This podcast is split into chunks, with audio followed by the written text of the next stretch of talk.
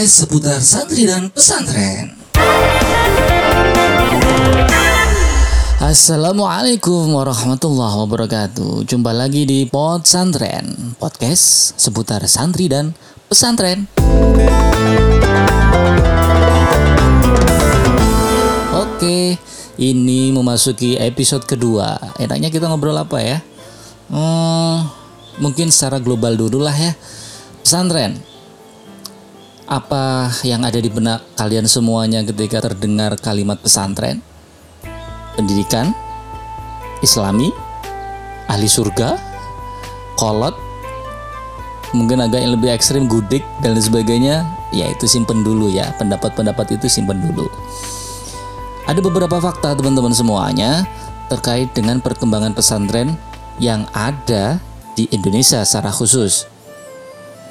Data dari yang ditulis di republika.co.id bahwasanya catatan di Kementerian Agama teman-teman semuanya tahun 1977 jumlah pesantren itu ada 4195 buah.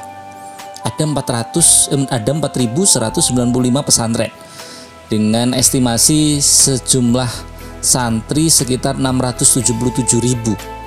Itu tahun 77 ya. Kemudian berkembang tahun 85, pesantren naik pesat berjumlah 6.239 pesantren dengan estimasi santri sejumlah 1.084.000.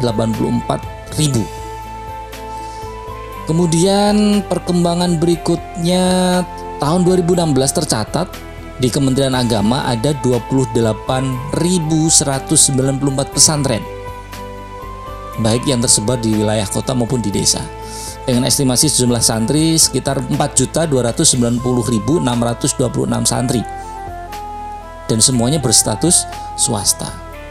Loh, kalau melihat jumlahnya seperti itu dan yang itu baru tercatat di Kementerian Agama juga mungkin ada apa namanya padepokan-padepokan pesantren yang tidak tercatat di Kementerian Agama mungkin juga jumlahnya lebih banyak lagi.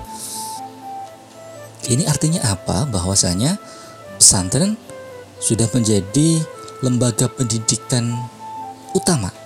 Jadi nggak cuma pilihan aja nih, jadi udah pilihan utama. Buktinya banyak teman-teman yang mulai tertarik masuk di dalam. Sebenarnya kalau kita berbicara pesantren, kita nggak boleh menutup mata bahwa pesantren ini adalah lembaga pendidikan kasta bawah nggak. Jangan berprasangka seperti itu dulu.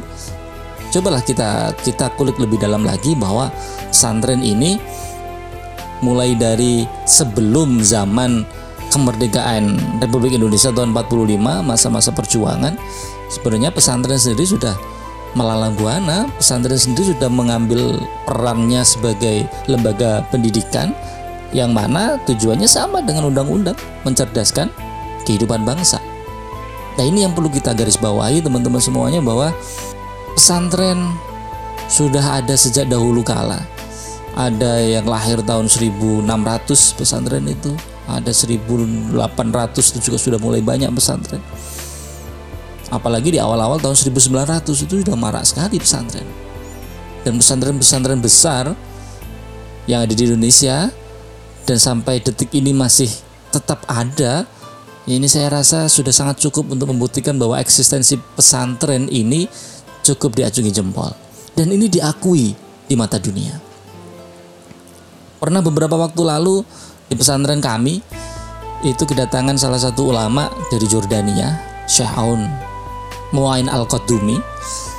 Itu sempat kita berbicara kenapa kok beliau melaksanakan safari di Indonesia juga melaksanakan sowan-sowan ke pesantren itu ternyata juga ditengarai pertama memang ngalap barokah ngalap barokah pesantren-pesantren dan para kiai sepuh yang juga menjadi ulama dunia bisa kita sebutkan salah satunya mungkin Syekh Mahfud Atur Musi juga Syekh Nawawi dan lain sebagainya.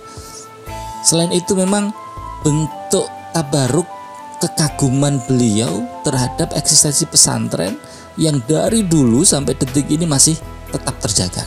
Bagaimana tidak ketika lembaga pendidikan baru mulai muncul pesantren tetap hadir dan tidak merubah apa pun tetap dengan kesederhanaannya tapi dengan wawasan keilmuan yang di dalamnya itu luar biasa agungnya luar biasa banyaknya.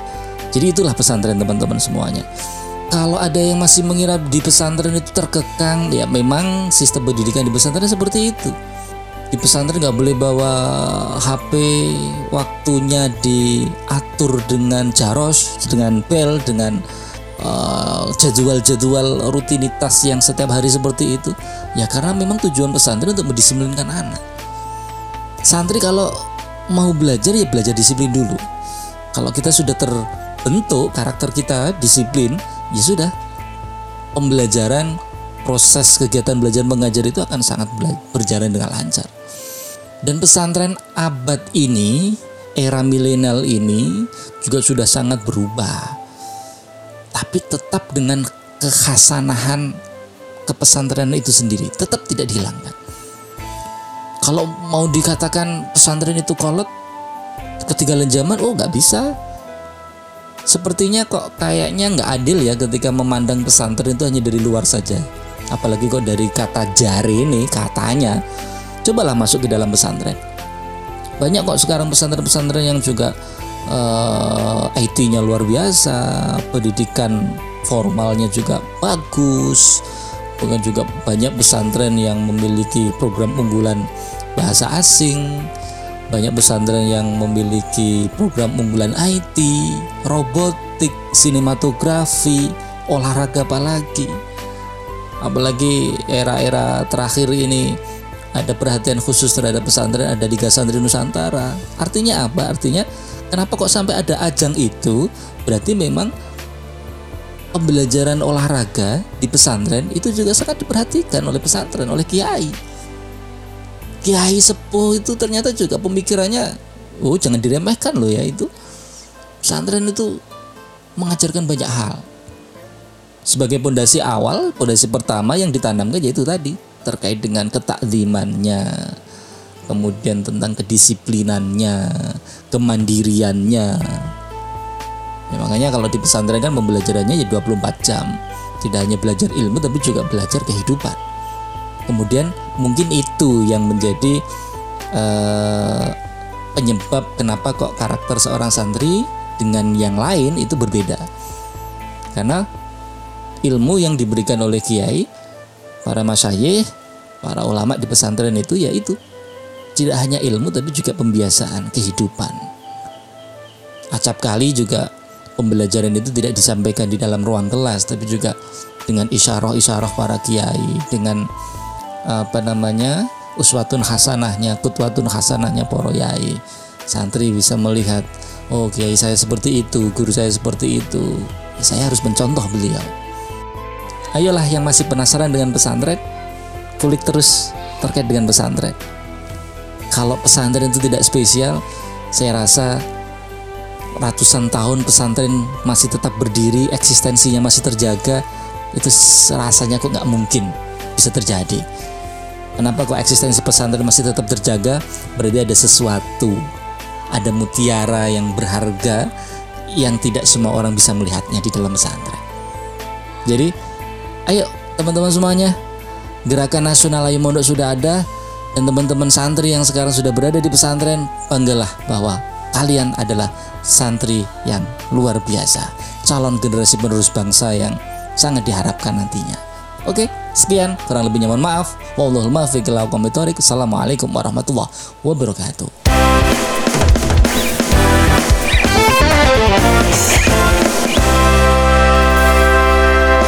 Hot Santren Podcast seputar santri dan pesantren